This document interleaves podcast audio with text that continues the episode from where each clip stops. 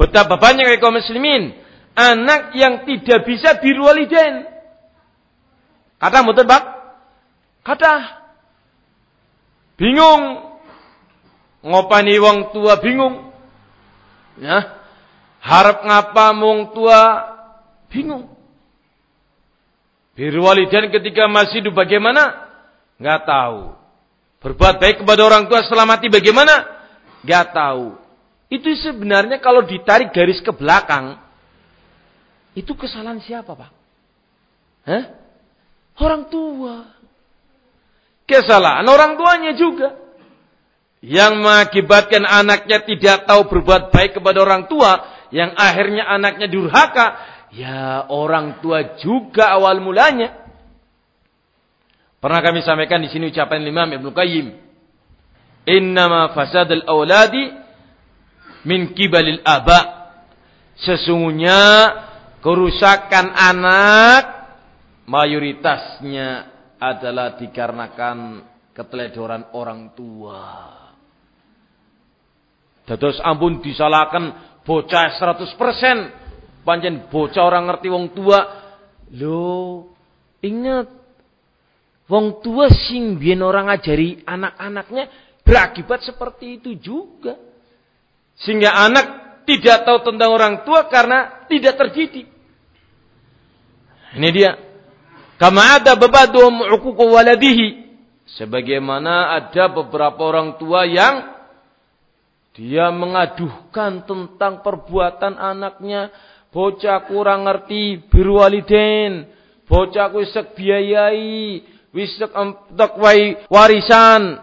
Yaitu warisan pak mati. Warisan. Wisek wai modal. Wisek kayak noma. Dungkit-dungkit. Ning orang anak ngerti ini. Ini orang tua. Ketika dia sudah umuran 75, 80, melaku beangel, repot, kena penyakit berbagai macam komplikasi, anaknya tidak kunjung tahu. Akhirnya dia mudal rasa begini, begini, begini, begini. Maka anaknya pun menjawab kepada sang bapak. Anaknya menjawab, Akok dani segiran, fakok tuka kabiran, tani segiran, tuha kabiran. Wahai bapakku, wahai orang tuaku, engkau telah durhaka kepadaku ketika aku kecil. Maka aku pun durhaka sekarang ini ketika engkau sudah tua.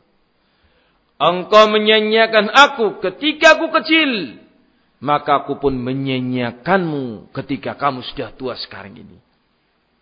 Disebutkan keterangan orang tua menyanyiakan anaknya. Orang tua durhaka kepada anaknya. Itu dari sisi tidak mengajari ilmu agama. Tidak dididik untuk ibadah.